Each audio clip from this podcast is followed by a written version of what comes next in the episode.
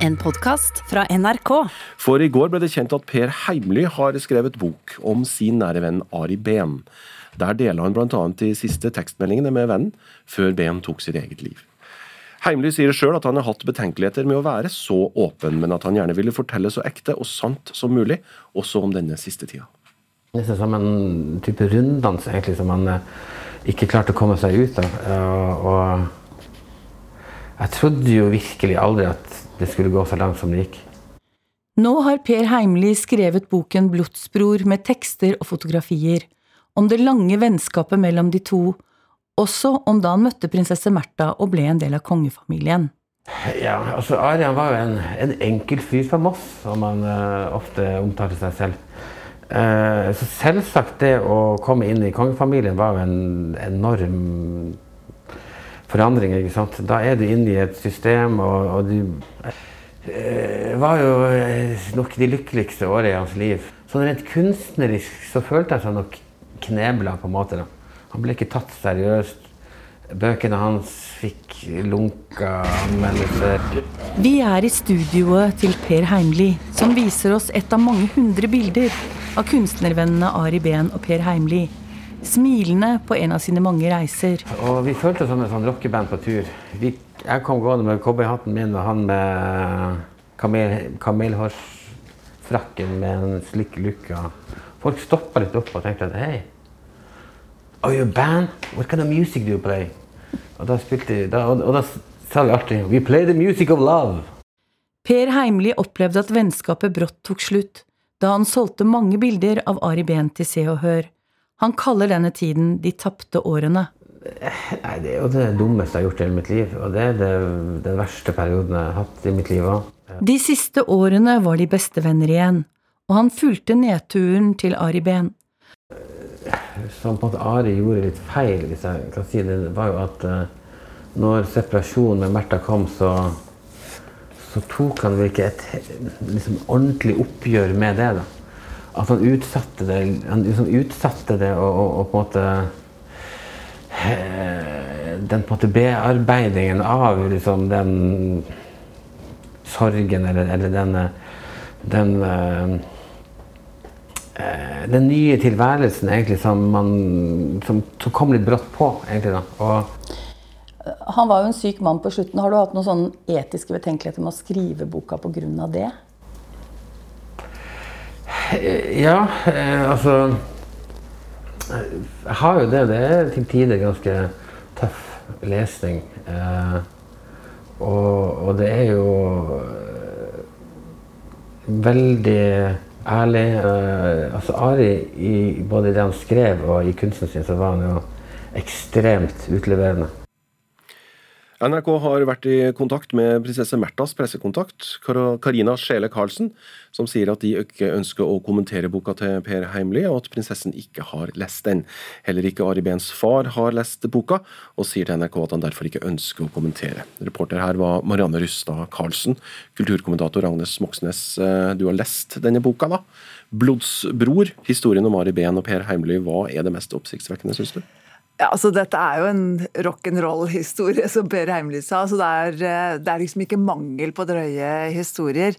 Eh, Ari Behn og Per Heimly var jo venner fra midten av 1990-tallet. Ari Behn kom til byen eh, tidlig i 20-årene, ville være kunstner, og så er det interessant å se at han at han søkte da vennskap i, rundt, i miljøet rundt den derre veldig utagerende eh, kunstfotografen Per Heimli. Eh, og så den nye vinen, som mange har hørt om, som denne gutteklubben rundt dem kalte seg. Eh, både den og denne boka her er liksom historien om hvordan Ari Behn helt bevisst valgte et kompromissløst utenforskap. Eh, så langt liksom fra det borgerlige og forsiktige som, som overhodet mulig. Samtidig som de jo hadde et veldig sånn bevisst, eh, eller hva skal vi si, nesten ekstremt behov for å bli sett. og anerkjent av det miljøet, og også selge kunsten sin og bildene sine inn der. Og det er pinlig godt, eh, Dette er pinlig godt eksemplifisert da, da Per Heimli og Ari Behn var på Theatercaféen og så eh, Kjell Inge Røkke sitte der. Og så skrangla de sammen de siste pengene de hadde for å kjøpe liksom den dyreste vinen de hadde råd til, for å gi den til Kjell Inge Røkke for å gjøre inntrykk på ham. Eh, det lyktes de ikke med. Eh, kompromissløs, eh, sier du her. Altså, det finnes ærlig og det finnes utleverende, og Heimly er vel begge deler i denne boka. Men altså, Ari Behn var jo ikke frisk på slutten av sitt liv. Er det riktig å være så utleverende som Heimly er i denne boka? Jeg tror det er viktig å huske at familien til Ari Behn valgte å være åpen om de tunge årene hans, som endte da med selvmord i jula 2019. Og etter det eh, så er det kommet mange eller flere filmer. Dette er vel bok nummer to Eh, det har vært podkastserier. Eh, prinsesse Märtha Louise har snakket om eh, Ari Behn i sin TV-serie. Det har vært utallige avisoppslag om venner som krangler om hvem som egentlig var den beste vennen til Ari Behn. Og så I tillegg til det så jo også, var jo også Ari Behn selv veldig selvutleverende, både i litteraturen sin og i, i bildene sine. Og så er det jo også flere av, av de jeg snakket om nå, som har publisert SMS-er Ari Behn sendte, eh, og, og, beskrevet sykdomsutviklingen hans. Så man må vel bare si at Ari Behn er på en måte det stoffet som myter bygges eh, av. Og, og der er vi nå i historiefortellingen om, om Ari, Ari Behn og hans eh, eh, til tider spektakulære liv. da. Som du sier, Agnes Moxnes, det er allerede skrevet og sagt mye om eh, Ben, men er det fortsatt vanskelig å skrive bok om han? Ja, det er vanskelig å skrive bok om ham fordi at uh, han var uh, han var så sammensatt. Han ble en rikskjendis. Han giftet seg inn i, i kongefamilien. Det var dette Folk visste rett og slett hvem Ari Behn var. Han var ikke i det hele tatt redd for å være annerledes. Eh, I Norge skal det jo helst ikke være det, men Ari Behn ble jo elsket fordi han våget seg inn i det rommet der. Ehm, og så, eh, ja, så Han er rett og slett en, en krevende mann å prøve å, å, fange, og dette er da en av de eh, forsøkene, og det Per Heimli sier da til sin Hva skal man si? altså man kan jo godt liksom tenke er dette en spekulativ bok? Eh, bruker han vennskapet sitt for å selge bøker? Eh, men man kan også se det som en, et, et, eh, et, forsøk på å fange en del av Ari Behn.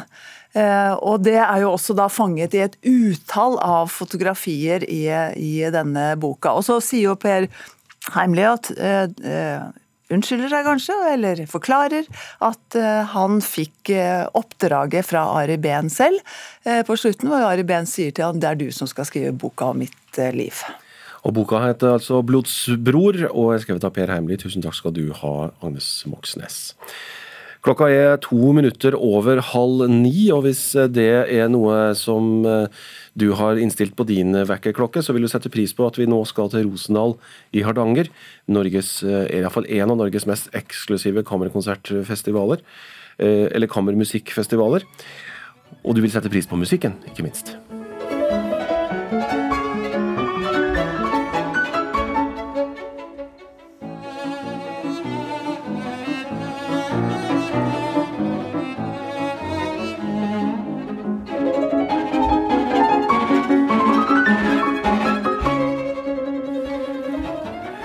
Dvorsak eh, om morgenen er aldri feil. Rosendal kammermusikkfestival ble litt mer avlyst i fjor sommer pga. koronapandemien, men er tilbake i år med publikum i salen. Vi hørte pianist Leif Ove Ansnes i samspill med et knippe unge norske strykere, og det er jo Ansnes som er festivalsjef. Eh, fiolinist Ludvig Gudim sto i spissen her også. Ehm, dette var opptak fra åpningskonserten i går kveld på Baroniet Rosendal, og der var du anmelder Øystein Sandvik. Eh, og hvordan opplevde du konserten, da? Det var en konsert som bød på mye fantastisk musikk av Dvorak, som vi hørte her. En komponist som uh, dominerer hele festivalen. Hele ti verk av den store tsjekkiske mester skal fremføres her i Rosendal i helga. Uh, rent musikalsk så var det absolutt en fin konsert som kanskje ikke hadde de helt store magiske øyeblikka, men hvor det var mye solid innsats fra unge norske klassiske musikere som til dels har kommet inn på kort varsel pga. Av eh, avlysninger fra noen av disse utenlandske toppnavnene. I denne fremføringen av Dvorsaks andre klaverkvintett så var det fire, fine solistinnslag fra alle fire unge strykere. Ikke minst fra bratsjist Eivind Ringstad, som jeg syns er en veldig spennende musiker. Og så er det jo selvfølgelig Ansnes selv da, som holder det hele sammen på sitt karakteristiske, rutinerte og myndige, men samtidig upåfallende vis. Overskrifta i Rosendal i år er 'Fra mitt hjemland'. Hva ligger i det? Det betyr at Andersnes i år har valgt å fokusere på komponister, først og fremst slaviske, som var eh, opptatt av nasjonal identitet og bruken av såkalte nasjonale elementer i eh, musikken. Og Det betyr jo at det blir eh, mye fin nasjonalromantisk eh, musikk i dagene som kommer, samtidig som festivalen berører et av de mest brennbare og kontroversielle begrep i nyere tid, som jo er nasjonsbegrepet. og Nasjonalisme i sine ulike former, og Fritt Ord-direktør Knut Olav Åmås var i sin åpningstale opptatt av å lage et skille mellom den gode i gåseøynene og den dårlige eh, nasjonalismen. En distinksjon som jeg tipper at flere foredragsholdere kommer til å henvise til og eventuelt problematisere de kommende dagene her i Rosendal. Altså, dette er en eh, festival som, eh, som også har eh, foredrag som handler om festivaltemaet. Så spørs det da om vi kommer noe nærmere en forståelse av musikkens betydning i det som mange da vil hevde er en av de mest hvert fall potensielt katastrofale ideologier vi har sett de siste par hundre åra. De som tar veien til Rosendal under festivalen, Øystein Sandvik, hva kan de vente seg? Det er klart at det er jo fremdeles eh, en festival som er preget av smittevernhensyn. Altså det er mange tomme seter i, salen, det er konserter eh, uten pause, litt kortere. Du får ikke den der eh, pausen hvor du kan mingle og prate med andre konsertgjengere. Det er færre utenlandske storheter enn det pleier å være i Rosendal, og noen store navn måtte kansellere, men ikke alle heldigvis. Blant annet så kommer den tsjekkiske fiolinisten Josef Spacek. Men det gjør også Lene Grenager, en spennende og prisbelønnet norsk komponist som eh, vel ingen kan beskylde for å være nasjonalromantiker. En annen gjennomgangsfigur på festivalen i år er komponisten Astor Piazzolla, som ble født for 100 år siden eh, i år. Som definitivt har hatt mye å si for argentinsk nasjonal identitet.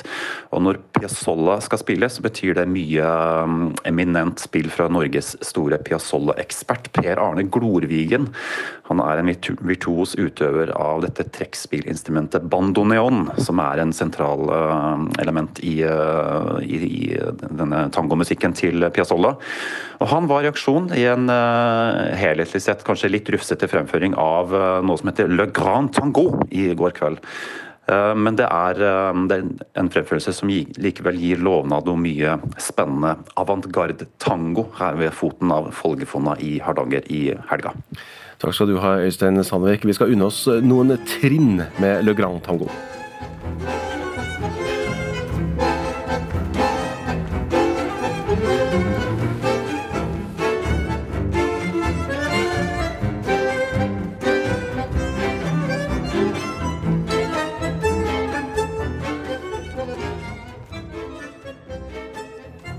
Musikk av Astor Piazzolla, altså, framført av Per Arne Glorvigen på bandoneon sammen med ensemblet Konstknekt, som er unge norske talenter i samspill med musikere fra Berliner Filharmonien. Og du eh, hørte fra åpningskonserten under Rosendal Kammermusikkfestival i går kveld. Og over helga får du lese mer om festivalen på nrk.no. Du har hørt en podkast fra NRK. Hør flere podkaster og din NRK-kanal i appen NRK Radio.